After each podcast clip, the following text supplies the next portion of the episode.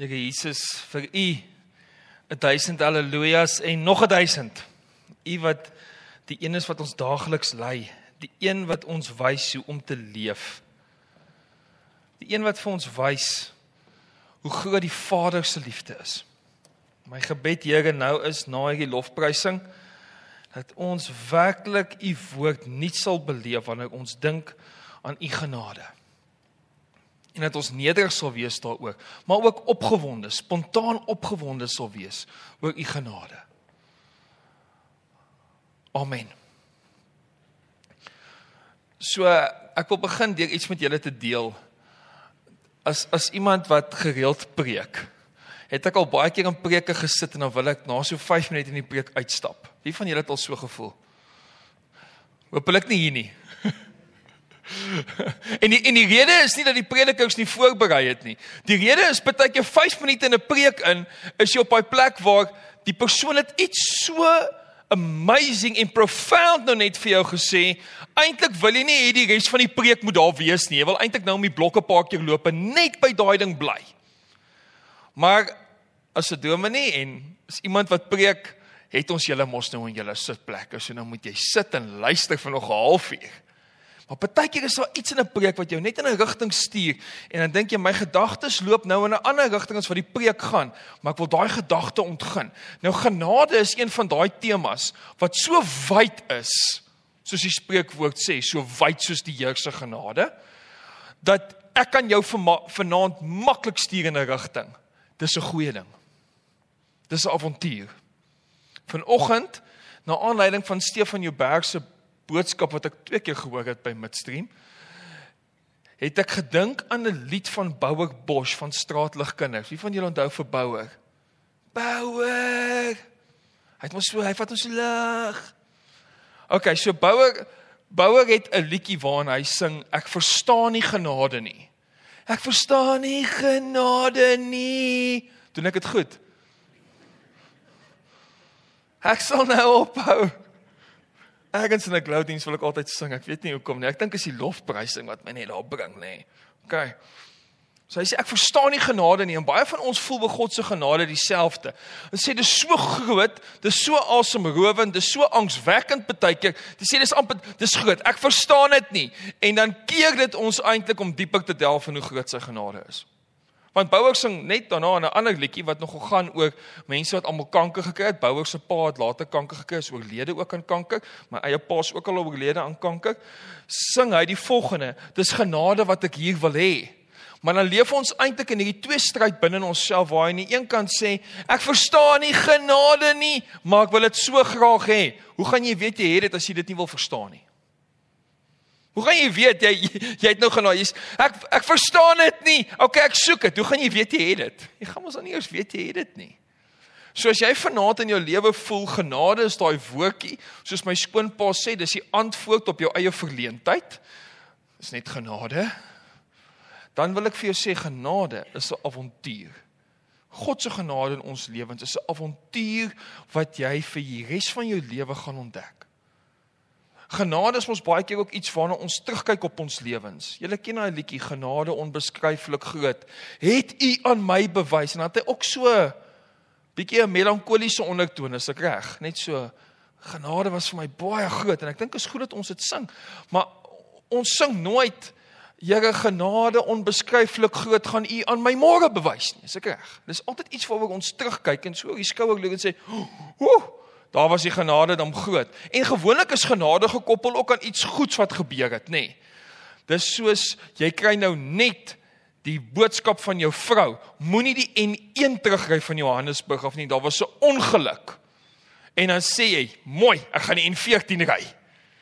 En dan sê, "O, oh, dis net genade." Is dit genade? Of is genade soveel groter en dieper as dit? Vanaand gaan ek jou help om genade vanuit God se woord nog dieper te ontdek. Ek dink nie God wil hê ons moet dink genade is iets wat ons nie kan verstaan nie. Maar terselfdertyd dink ek ook God wil nie ons moet ooit dink ons verstaan genade volkome nie. Ons leef eintlik in hierdie grys area waar ons rond beweeg tussen die twee. amper soos 'n skildery. Dis 'n skildery, as jy 'n goeie skildery sien in 'n galery en hulle beplan dit ook altyd sodat die lig van verskillende dele in die galery inkom en verskillende kante van die skildery ontbloot. Dan wil ek hê jy moet dink aan genade. God se son, God se liefde wat skyn op jou, jy's 'n skildery. En verskillende tye van jou lewe gaan jy die skakerings van die skildery, die manier wat die verf se spatsels oor dit oor dit lê, gaan jy sien, maar dit is hoe groot sy genade is. Dis 'n lewenslange antwoord avontuur. So ek wil hê jy moet mooi dink daaraan want ek wil hê daar's nou twee maniere wat ons kan kyk na genade vanaand. As jy genade wil navors, is daar twee maniere om dit te doen. Die eerste manier is om dit amper te doen soos chat GB is dit GBT, CBT. Hoe is dit CBT, né? Nee? Chat GBT. Toe almal sê chat GBT, toe dog ek dis die vervanging vir WhatsApp want jy chat mos nou. Maar wie weet. Dit is nie altyd so reg soos jy dink nie. Maar jy gaan nie vir chat GBT kan sê, hoorie, vertel my alsoos genade nie. En die rede hoekom ek dit sê is fase 1 van genade ontdek as jy kan dit Google. Gaan Google Bible verses about God's grace. Ding ding ding. Stamp hulle almal vir jou uit. Soveel webtuiste as die soek engine sê vir jou. Dis al die teksverse oor genade. Maar dan is daar die tweede deel en dis nou die een waarmee chat ons nie kan help nie. Dis die een van die lyn van God se genade wat van Genesis tot Openbaring reg deur die Bybel loop wat onderliggend is in die verhaal van Abraham, wat onderliggend is in die verhaal van Josef. Dis onderliggend in Moses, in Dawid se psalms, oral, Rut, Ester. Ons vind hierdie genade. Dis 'n onuitspreekbare woord wat van Genesis tot Openbaring loop. Jy het nodig om navorsing te doen, nie net oor die kere in die Bybel waar genade staan as 'n woord nie, maar die kere waar dit onderliggend is. Dit loop soos 'n goue draad deur dit. Dit is om werklik genade te verstaan. En dan wil ek vir jou sê, jy gaan nooit 'n punt in jou lewe bereik wat jy die avontuur van God se genade kan uitput nie. Want dis reg in sy woord. Dis in sy woord elke liewe dag. So ek wil hê ons moet vanaand op daai tweede avontuur gaan om God se genade te ontdek. En ons gaan ons gaan dit doen uit 'n paar skrifgedeeltes uit. Die eerste ene is Johannes 1 vers 14. Jy kan sommer met my blaai na Johannes 1 vers 14.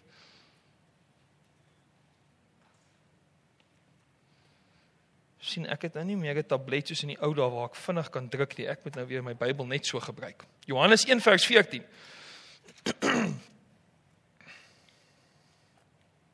nou Johannes 1 begin met 'n gedig oor wie Jesus Christus is. En dit is 'n gedig wat jy dalk baie goed sal ken. Dit begin as volg: In die begin was die woord by God en die woord was self God. En dan gaan dit uit om hierdie woord, hierdie logos wat Jesus Christus is, die Griekse woord vir woord is logos.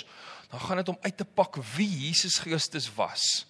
Sy hele verhaal en dan sê dit verder in hom was die lewe.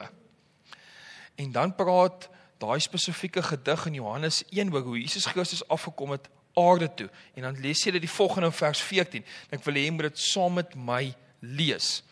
Dis Johannes 1 vers 14 en dit sê en die woord het vlees geword, dis Jesus Christus en onder ons kom woon. En ons het sy ekskuus tog, en ons het sy heerlikheid aanskou.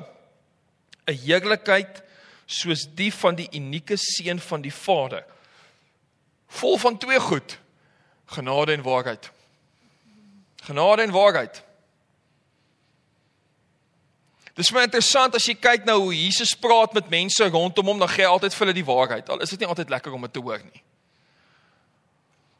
Hy sê nie vir die fariseërs as hulle vir hom kom vra wat is die grootste gebod? Hoorie julle, ek dink ons dit hang af hoe jy dit interpreteer. Sê bietjie vir my, hoe vra jy daai vraag? Hoe wat gaan aan in jou lewe? Ons doen dit mos baie keer. Ons wil eers die konteks van 'n vraag verstaan. Jesus sê dis die antwoord, dis die waarheid. Dis die waarheid. Die grootste gebod is jy moet die Here jou God lief hê met jou hele hart, jou hele siel, jou hele verstand en die tweede wat hiermee gelyk staan is jy moet jou naaste lief hê soos jouself. Dis die waarheid. Bang. Vat dit of los dit. So Jesus was vol waarheid, maar dan aan die ander kant was hy vol genade en dit sien ons uitspeel op verskillende maniere in sy lewe. So vanaand gaan ons op die avontuur gaan om te sien hoe hierdie genade van Jesus Christus waarvan hy vol was, hoe dit uitspeel in sy lewe. Eerstens sien ons dit deur die verhale wat Jesus Christus deel. Onderliggend al word die woord genade nie noodwendig gebruik in die verhale nie, kan ons sien daar's hierdie genade in die verhale wat hy gebruik om te illustreer hoe groot God se liefde is. Jesus wil vir mense verduidelik hoe groot is God se koninkryk en hy doen dit onder andere deur verhale. So sien ons ook werklik wat genade is. So ek wil hê ons moet blaai na, na ons Bybels na Lukas 3 vers 16. Dis 'n verhaal wat Jesus gebruik om te illustreer hoe groot God se genade is. Dis Lukas 3 vers 16. Ekskuus, Lukas 13 vers 6 nie my bril op nie. Lukas 13 vers 6. Jesus vertel 'n verhaal van 'n vyeboom. En daar's 'n waarheid in hierdie teks wat ek wil hê jy moet hoor vandag. Jesus het toe die volgende gelykenis vertel. Iemand het 'n vyeboom gehad wat in sy wingerd geplant was. Hy het vrugte daaraan gaan soek en niks gevind nie. Toe het hy vir die tuinier gesê: "Kyk, dis al 3 jaar wat ek vrugte aan hierdie vyeboom kom soek en niks kry nie. Kap dit uit." Waarom moet dit waarom moet dit die grond langer uitput? Maar hy antwoord en sê vir hom: "Meneer, laat dit nog hierdie jaar bly staan totdat ek rondom hom gespit en misgegee het. En as dit dan volgende jaar vrugte dra, goed, maar as dit nie gebeur nie, kan u dit uitkap. In in hierdie in hierdie gelykenis in hierdie storie sien ons iets van hoe groot God se genade is. In hierdie verhaal is Jesus Christus die een wat werk in die wingerd. Sien ons dink mos aan genade as iets wat gewoonlik gekoppel is aan 'n teenprestasie wat jy moet lewer. Prestasie soos jy moet seker maak jy soet genoeg dan is die genade groot. En as jy stout is, dan kry jy genade vir 'n laaste keer. Andrew Murray het dit so mooi verduidelik al in die 1800s om te sê genade is nie elke dag. Dit begin ook elke keer. Wanneer God ons vergewe uit sy genade uit, dan sê hy nie jy het 'n tweede kans nie, hy sê ek begin met jou ook. Dis nie 'n tweede of 'n derde kans nie. Kyk, ons gee mekaar mos tweede en derde kans in die lewe. Jesus Christus gee nie tweede of derde kans nie. Hy begin nuut. Hy begin heeltemal nuut. Dis hoekom dit sê sy genade is nuut vir ons elke dag.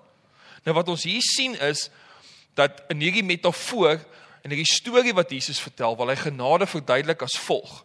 Hy probeer sê ek is die een wat in die wingerd werk. Ek vat die risiko.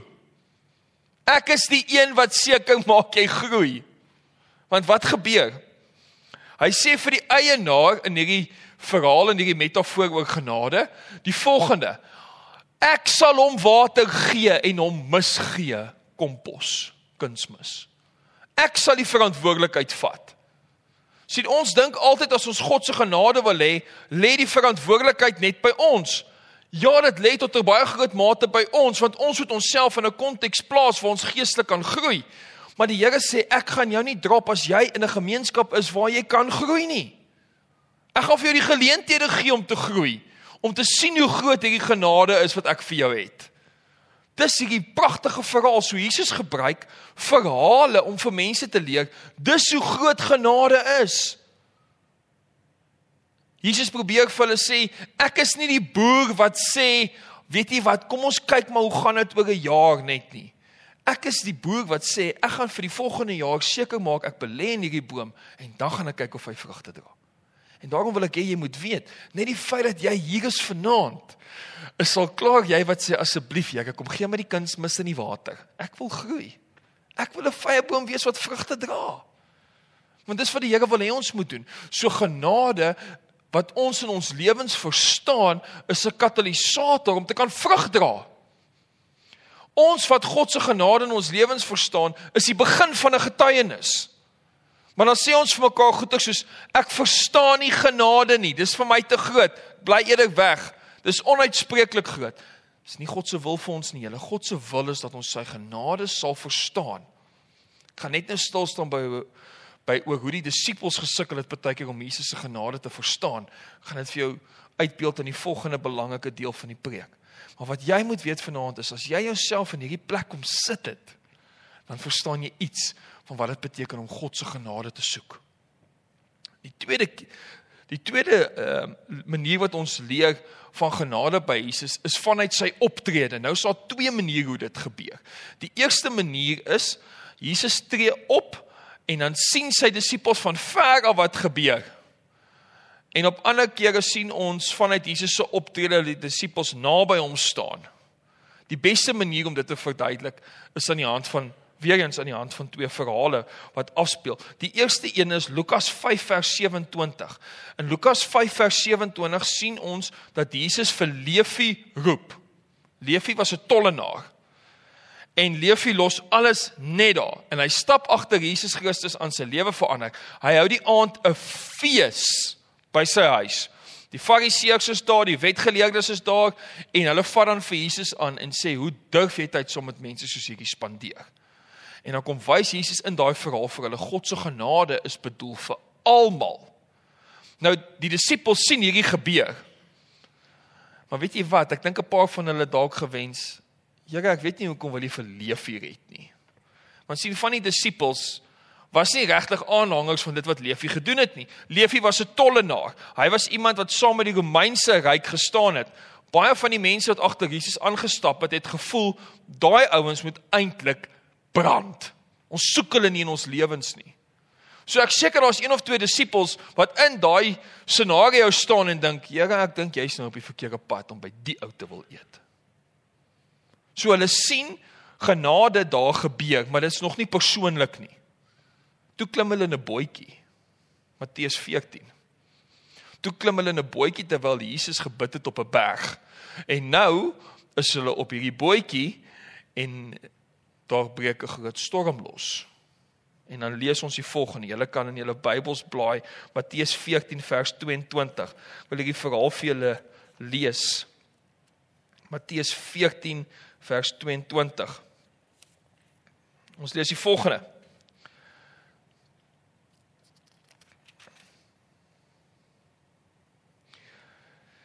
En onmiddellik het Jesus sy disippels verplig om in die boot te klim en so lank voor hom uit na die oorkant te vaar terwyl hy die skare wegstuur.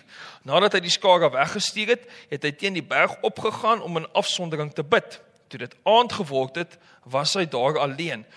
Toe die die boot was reeds 'n hele aantal uh, kilometer of stadion of meter weg van die land af en dis deur die golwe heen en weer geslinger want die wind was teen hulle. In die 4de nagwaak, dis al later in die aand, het hy na hulle toe aangeloop gekom op die see. Toe disippels hom op die see sien loop, het hulle vreesbevange geraak en gesê: "Dis 'n spook!" en van angs begin skreeu. Maar Jesus het dadelik vir hulle gesê: "Hou moed, dit is ek. Moenie langer bang wees nie." Petrus het hom geantwoord: "Here, as dit U is, beveel my om op die water na U te kom." Hy het gesê: "Kom." Petrus het van die boot afgeklim en op die water geloop en na Jesus begin gaan. Maar toe hy sien hoe sterk die wind was, het hy bang geword. Toe hy begin sink, skreeu hy: "Here, red my." Dadelik het Jesus sy hand uitgesteek, hom gegryp en vir hom gesê: "Klein gelowige, waarom het jy begin twyfel?" Toe hulle in die boot klim met die wind gaan lê, die in die boot het voor hom neergeval en gesê: "Waarlik, U is die seun van God. So die eerste verhaal wat ek gebruik is, Jesus se disippels is saam met hom besig om te eet by Levi en ek is redelik seker hulle was nie altyd oortuig oor Jesus wat genade het vir hierdie Levi nie. En die tweede verhaal is een waar ek jou kan beloof, hulle was baie dankbaar vir die genade in die bootjie. Ek en jy is presies dieselfde vandag nog.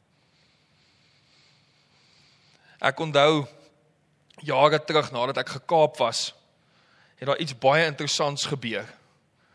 Die interessante ding was nie noodwendig toe ek gekaap was nie, die interessante ding was almal se kommentaar na die tyd oor wat ek moes doen. Wie van julle dit al beleef? Was almal kommentare oor hoe jy eintlik die ding moes gedoen het. So jare terug, dis al 17 jaar terug, was ek gekaap gewees die aand in Bloemfontein toe ek 'n student was. Ek was ontvoer en ek het ontsnap. Ek het ontsnap deur agteruit my kar uit te spring. Nou vertel ek die storie vir een van my rugbypelle by die koshuis. Maar kyk, die ou stond omtrent 3 keer so groot as Eben Etzebeth. As Eben Etzebeth hom sien, dan sê hy: "O nee, ek spaseer, ek speel nie vandag nie." So groot ou. Hy het later ehm um, rugby league vir Suid-Afrika gespeel, Christian. En Christian vertel vir my alles van wat hy sou gedoen het. Maar Christian was nie daar nie. Christian vertel vir my, daai vuur moes vir my gekom het, Gerrit. Ek sou reg wees vir hulle of hulle nou Black Label gedrink het en dagga gerook het, maak nie saakie. Ek is geweer in mesbestand, maar weet jy wat, Christian was nie daar nie. Hy was nie daar nie. Hy het nie die storie gehad van die genade nie, want hy hoor dit van ander kant af. En dis presies wat met die disippels gebeur. Hulle sien Jesus se wonderwerke. Hulle sien die genade in mense se lewens, maar dis nie noodwendig altyd hier nie. Toe hulle in die boot. Toe soek hulle dit. Ek en jy is vandag presies dieselfde. Ek dink Jesus het in daai oomblik toe Petrus wegsak in die water en hy trek hom weer uit En hy sien die dankbaarheid in Petrus se oë die verslaandheid. Kon hy vir hom iets gesê het soos wat Bouou Bos gesing het. Jy verstaan nie genade nie, maar kom ek wys jou. Jy verstaan nog nie genade nie, maar kom ek wys jou. En dis die beginsel van God se genade wat ek wil hê jy moet snap vanaand. Jy kan kies om daai persoon te wees of van 'n afstand af staan en kyk en sê hoe mooi is dit wat God alles doen in ander mense se lewens. Het jy gesien wat 'n genade daai ou beleef of hoe sien daai ou die Here in sy lewe in die toekoms uitspeel? Maar jy moet daai persoon wees wat dit self kan sê. En met dit wil ek jou uitdaag om 'n toekomsprentjie te kry van wat genade is. Genade is nie net iets waarop ons terugkyk nie. Want as dit net iets was waarop ons teruggekyk het, hoekom was die disippels so opgewonde oor die kere wat hulle geweet het hulle gaan vervolg word? Dis vir my die interessantste in Handelinge as jy sien die disippels gaan verkondig die evangelie van Jesus Christus se genade. Wat gebeur met hulle? Hulle weet al die Joodse raad gaan hulle pak slaag gee. Paulus het al geweet as hy by die volgende plek kom gaan hy moeilikheid kry. Om die waarheid te sê, toe Paulus geroep was, het die persoon wat hom moes gehelp het getuig daarvan dat hy gehoor het die Here sê vir hom ek sal vir Paulus wys hoe baie hy vir my moet ly. L A suffer soos in Saks het vir jou die aanslag gestuur. Dit lyk nie goed nie. Ek sal vir jou wys hoe jy vir my moet ly. En tog sê Paulus is reg bring dit. Is fyn Ek gee glad nie om vir die lyding nie, want hy het God se genade werklik beleef. God se genade is nie net iets waarop jy kan terugkyk nie, dis iets waarna jy ook kan uitsien. Jy kan opgewonde wees daaroor. Daarom sou Paulus later in sy lewe sê, "Dood, waar is jou angel?" Want genade ontvang my daar. As Paulus sy gelowige vriende moet in praat in al sy briewe, dan praat hy weer oor daai onderliggende draad van genade en dan sê hy die volgende hy sê ons moet opgewonde wees oor die glorie wat ons sal sien in die toekoms. Ek opgewonde wees oor die genade. Dis op pad, moenie bekommerd wees nie. Wanneer laas het jy gehoor 'n gelowige sê vir jou, ek is so opgewonde om God se genade te sien volgende week as ek in die verkeer vassit.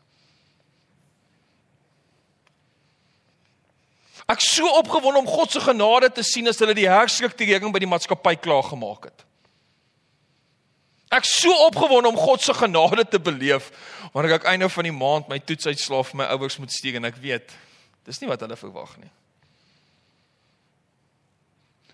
Ons moet 'n toekomsprentjie kry van hoe groot God se genade is. Ek wil jou uitdaag om dit te doen. Die derde plek waar ons leer van God se genade is vanuit sy beloftes deur Jesus Christus. Wanneer die Bybel vir ons in Johannes 1 vers 14 waarmee ek net nou begin het sê hy was vol genade en vol waarheid, dan glo ons die waarheid wat Jesus gepraat het ook toe hy gesê het: Ek gaan vir julle sterf van die kruis. Ek sal opstaan uit die dood. Ek gaan opvaar hemel toe en ek gaan vir julle die Heilige Gees gee. Dis genade. Dis genade om vas te hou aan daai beloftes. Die derde manier wat Jesus vir ons wys ons kan aan sy genade vashou en ons kan dit daagliks deur kennis om vas te hou aan die beloftes. Ons weet mos Jesus Christus kom weer. Dit maak dat ons 'n ander prentjie het op die toekoms. Die lied waarmee ons gekies het om vanaand die diens mee af te sluit is Heilige Here, een van my gunsteling Afrikaanse liedjies. En is 'n lied waarin ons getuig die Here is verhewe bo alles wat ons ken, alles wat ons verstaan. Dis 'n lied wat ons wil innooi in die Here se teenwoordigheid en om te sê Here, ek wil u genade beleef. Ek wil jou uitdaag net daar waar jy nou sit. Kom ons vat almal saam 'n oomblik. Kom ons sluit ons oë. Kom ons raak rustig by die Here.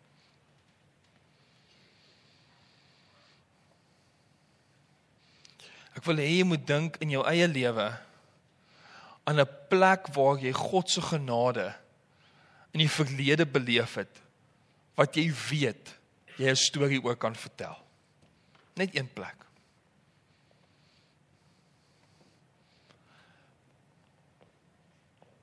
Dink aan een plek waar jy God se genade in die verlede beleef het waar jy nie kan stil bly nie.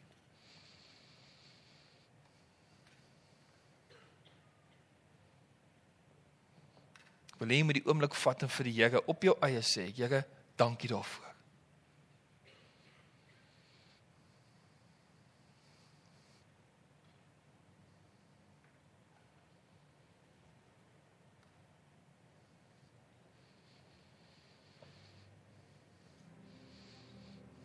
Dan wil ek hê jy moet nou volgende oomblik vat en jy moet dink aan 'n plek in jou eie lewe nou waar jy God se genade op 'n baie baie spesiale manier beleef.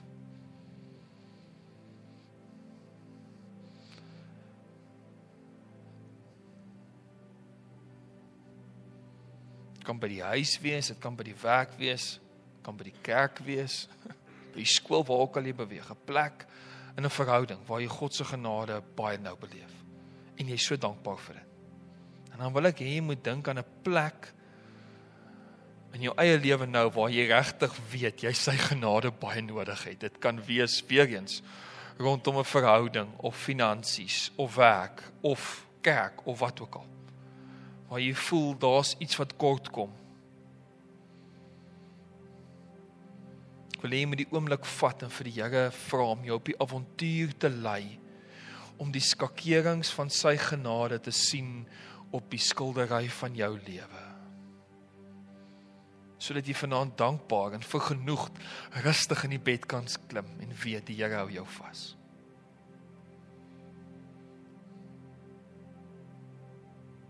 Here God, dankie vir u genade. Dankie vir u genade wat vir ons 'n volle betekenis kry in Jesus Christus. Dankie dat ons vanaand kan sê ons hoef nie te sê ek verstaan nie genade nie. Want ons het 'n Here wat vir ons sê kom ek wys jou hoe groot my genade is. U is 'n Here wat die hand in die water druk en ons uitdruk. U is 'n Here wat eet saam met mense wat dit glad nie verdien nie.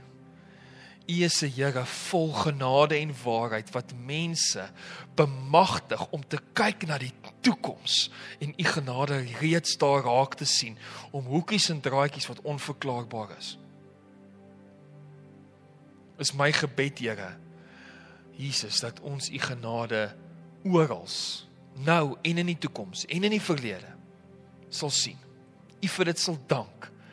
En Heilige Gees dat dit ons sal inspireer om te getuig van die een wat ons gered het. Amen.